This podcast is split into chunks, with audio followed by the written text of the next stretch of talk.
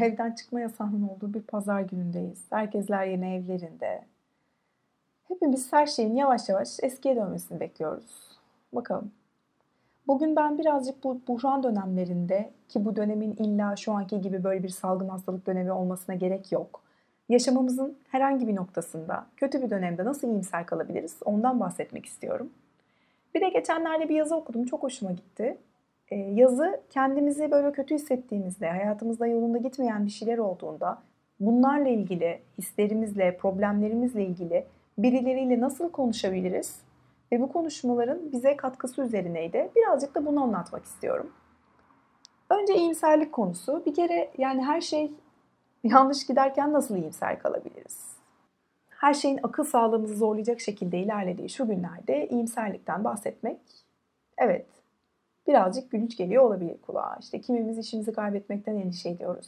Kimimiz belki evimizi, kimimiz sevdiklerimizi, hatta kimimiz kaybetti bile yani işte sağlığımızdan endişe ediyoruz, kendimizi çaresiz hissediyoruz. Yani konu her neyse iyimserlik şu anda bir lüks gibi görünüyor. İyimserlik dediğimiz şey özünde tüm bu olumsuz, endişeli düşünceleri halının altına süpürmek değil. Öncelikle bunu söylemek istiyorum. Ya da içinizden gelmediği halde bilmek demek de değil. İyimserlik yaşadığımız an ne kadar olumsuz olursa olsun gelecek hakkında umutlu olmak demek.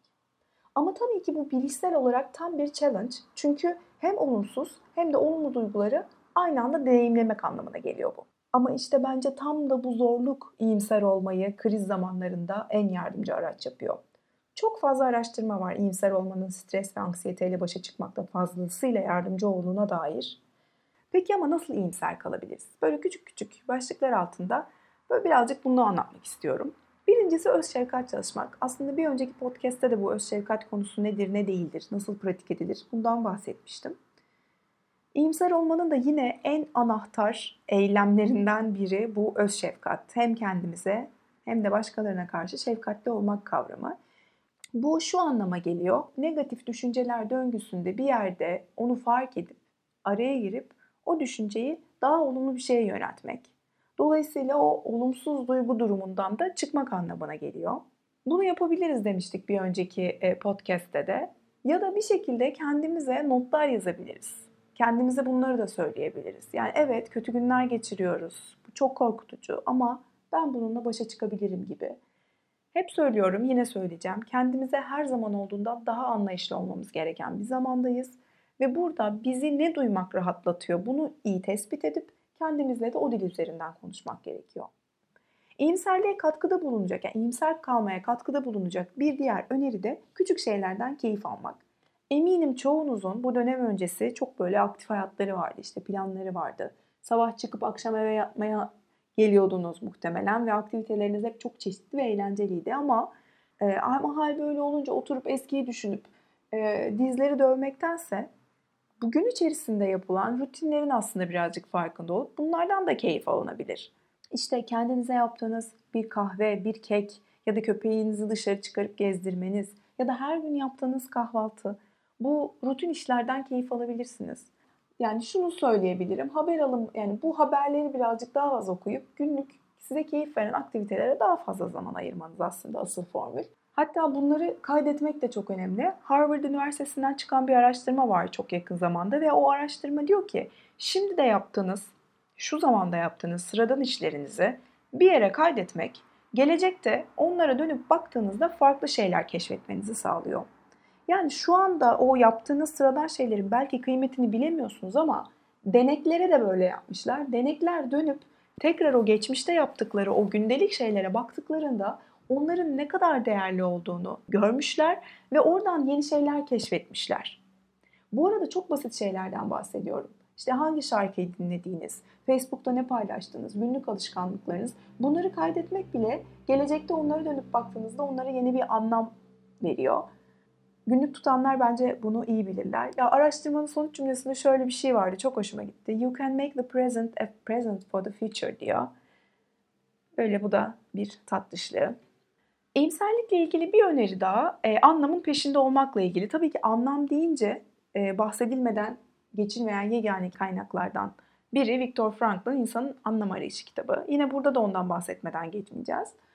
O kitapta Viktor Frank e, Nietzsche'den bir alıntı yapıyordu. Yaşamak için bir nedeni olan kişi hemen hemen her nasıla dayanabilir diye. Yani o yaşamın niçini, yaşamın nedenini bulmak için, bunu keşfetmek için tabii ki güzel zamanlar şu anlar. Yine e, bunu destekleyen bir araştırma var. O da şu. Travmatik olaylar yaşayan insanlara da yine böyle bir günlük tutturuyorlar. Ve bu travmatik olaylar yaşayanlar arasında yaşadıkları bu travmalardan ders çıkaranlar ya da onlarda bir anlam bulanlar hayatlarında daha pozitif devam ediyorlar ve daha az stresli oldukları gözlemleniyor. Hepimiz için geçerli. Bu zamanlardan ders çıkarmak ya da bu zamanları bizim için anlamlı bir hale dönüştürmek de yine bizim elimizde. İyimser olmaya katkıda bulunacak bir diğer başlık da bu geri verme konusu. E, bu altruizm kavramı şu dönem çok fazla karşımıza çıkıyor. E, Fransız filozof Auguste Comte'un aslında e, dile kattığı bir kavram bu ve egoizmin aslında tam zıttı olarak karşımıza çıkıyor. Yani kendini bir kenara bırakacaksın ve herhangi bir karşılık beklemeksizin başkalarının mutluluğu için endişeleyeceksin. Başkalarının mutluluğu için çabalayacaksın. Yani başka insanların olabilir ya da hayvanların olabilir. Bununla ilgili bir terim. Hemen bir araştırmadan da bahsetmek istiyorum. Bu altruistik davranış biçimi ne geliştiren kişilerin bu well-being dediğimiz aslında hem zihinsel hem fiziksel hem de psikolojik olarak sağlıklarının, mutluluklarının normal insanlara göre daha iyi olduğu araştırmalarca kanıtlanmış. Yani bu başkalarına verme konusu aslında kişinin kendisine de bir e, faydası var. Ki altruistik yaklaşım aslında bunu reddeder. Yani bunu kendi sağlığınız için yapın demiyorum ya da bundan dolayı böyle bir karşılık alacaksınız diye demiyorum. Ama karşılıksız vermek yine karşılıksız kalmıyor aslında. Ondan bahsetmeye çalışıyorum. Bu arada illa böyle hani birileri için çıkın büyük şeyler yapın falan anlamına gelmiyor. Yani işte uzun zamandır konuşmadığınız bir arkadaşınızı aramak, sesini duymak ve sadece seni merak ettim demek de bir yardım etmek. Ya da birileri hakkında iyi şeyler mutlaka düşünüyorsunuzdur. Onu kendinize saklamayıp o insanla paylaşmak da olabilir bu. Ve olumsuz düşünceleri halının altına süpürmemek. En başta da söyledik iyimserlik bu demek midir diye. Kesinlikle değil. Bir kere olumsuz düşüncelerin hepsi aslında bir amaca hizmet ediyor. Yani neyin yanlış olduğunu ve bizim çözmemiz gereken sorunun tam olarak ne olduğunu bize gösteriyor. Dolayısıyla bunları halının altına süpürmek, görmezden gelmek işe yarayan bir pratik değil. Tam tersi onları halının altına süpürdüysek de onları çıkarıp karşımıza alıp ben bu olumsuz düşüncelerden neler öğrendim? Benim değişmeme nasıl katkıda bulundular? Bana yeni yollar öğretti mi bunlarla başa çıkma süreci? Bunları birazcık düşünmek gerekiyor. Bir diğer bahsedeceğim konu dediğim gibi e, problemlerle başa çıkmak konusunda birileriyle konuşmak konusu. E, tabii ki yani terapistler boşuna yok konuşmak faydalı oluyor ama illa terapistle de konuşmaya gerek yok. Bir arkadaşınızla, sevgilinizle yani bu problemi geçirmiş herhangi biriyle konuşmak kesinlikle bir problemin çözümünde çok etkili. O da yine beyindeki sistemin işlemesiyle ilgili. Bundan yine bahsetmiştik ama bir tekrar olsun yine bahsedeceğim. Böyle çok yoğun duygular hissettiğimizde korku gibi, endişe gibi, agresyon gibi buradaki tüm şovu, tüm programı amigdala yürütüyor. Amigdala dediğimiz yerde aslında o fight or flight yani dövüş ya da kaç yanıtını üreten yer. Amigdala e, ve o limbik sistem bir şeyin tehdit mi olduğunu teşhis eden yer aynı zamanda ve dolayısıyla da bir şey tehditse ona karşı da bir yanıt üreten yer. Ve bu bilgiyi özellikle de hafızada saklıyor ki yarın öbür gün yine aynı tehditle karşılaştığımız zaman yine aynı tepkiyi verelim diye. Yani stresli ya da bunalmış olduğumuzda beynin bu bölgesi yine onu tehdit olarak algılayıp ona göre bir yanıt veriyor.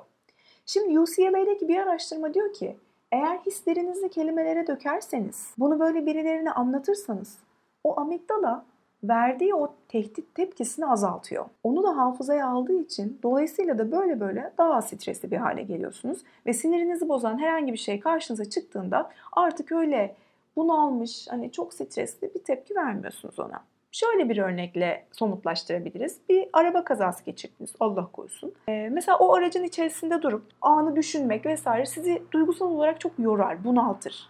Ama bu yaşadığınız deneyimi birine anlatmak, o anda yaşadıklarınızı, hislerinizi kelimelere dökmek size kesinlikle aynı şey hissettirmeyecektir. Denemesi bedava. Ama her konuşma şekli yardımcı olacak diye de bir şey yok. Mesela yaşadığınız olumsuz deneyimle ilgili böyle üzerine sürekli sürekli sürekli konuşmak muhtemelen tam tersi etkiyi yaratacaktır. Hatta sizi daha stresli bir insan haline de dönüştürebilir. Burada böyle daha yapıcı bir konuşma biçimine ihtiyaç var. Hemen böyle nasıl konuşabiliriz konusunda birkaç öneri de paylaşmak isterim. İlki doğru insanı seçmek.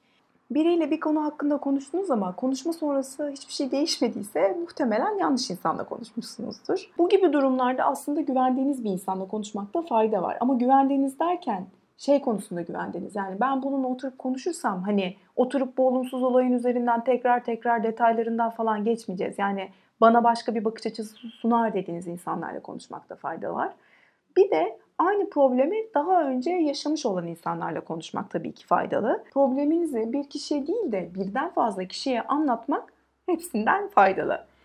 Doğru zamanını seçmek tabii ki önemli. Ya bu şu demek, kiminle konuşursanız konuşun. Hani onun da acaba uygunluğu var mı? O da uygun bir zamanında mı? Eşref saatinde mi denk geldiniz? Vesaire gibi detaylarını tabii ki öğrenmekte fayda var. Ve konuşmalarınızın bir sonu olsun. Yani illa her konuşmadan böyle müthiş somut planlar, bir aksiyon listesi vesaire çıkarmak zorunda değilsiniz öncelikle. Eğer o konuşma süreci sizi o ruh halinden çıkartıyorsa, yani o şikayet etmekten başka bir noktaya getiriyorsa o zaten yararlı bir konuşmadır. Ama baktınız ki size hiçbir şekilde hiçbir rahatlama getirmiyor ya da yeni bir anlayış edindirmiyor size. O zaman bu konuşmaya çok da devam etmenin bir anlamı yok. O konuşmayı sonlandırın. Özellikle hani aynı şeyleri sürekli ve sürekli tekrar etmekten kaçının. Yani amaç aslında bir problemi çözmek değil. Amaç o konu hakkındaki ruh halinizi birazcık değiştirmek. Kötülerden bahsettiğiniz gibi iyilerden de bahsedin. Kendinizi nasıl hissettiğinizi ifade etmeniz evet çok sağlıklı bir şey. Ama sadece kötü hissettiğinizde kendinizi ifade etmeniz sağlıklı bir şey değil. Arkadaşlarınızla, sevgilinizle ya da sosyal medyada sadece kötü zamanlarınızı ve kötü deneyimlerinizi paylaşmayın. Aynı zamanda iyi deneyimlerinizi ve iyi hislerinizi de paylaşın. Bu olumlu deneyimlerden bahsetmek hani daha sonra da karşınıza çıkacak olan böyle olumsuz düşünce şablonlarından da aslında uzaklaşmanızı sağlayacaktır. Bugünlük bahsetmek istediklerim bu kadar. Umarım işinize yarar bir şeyler bulursunuz içlerinde. Hepinize güzel bir gün diliyorum. Hoşçakalın.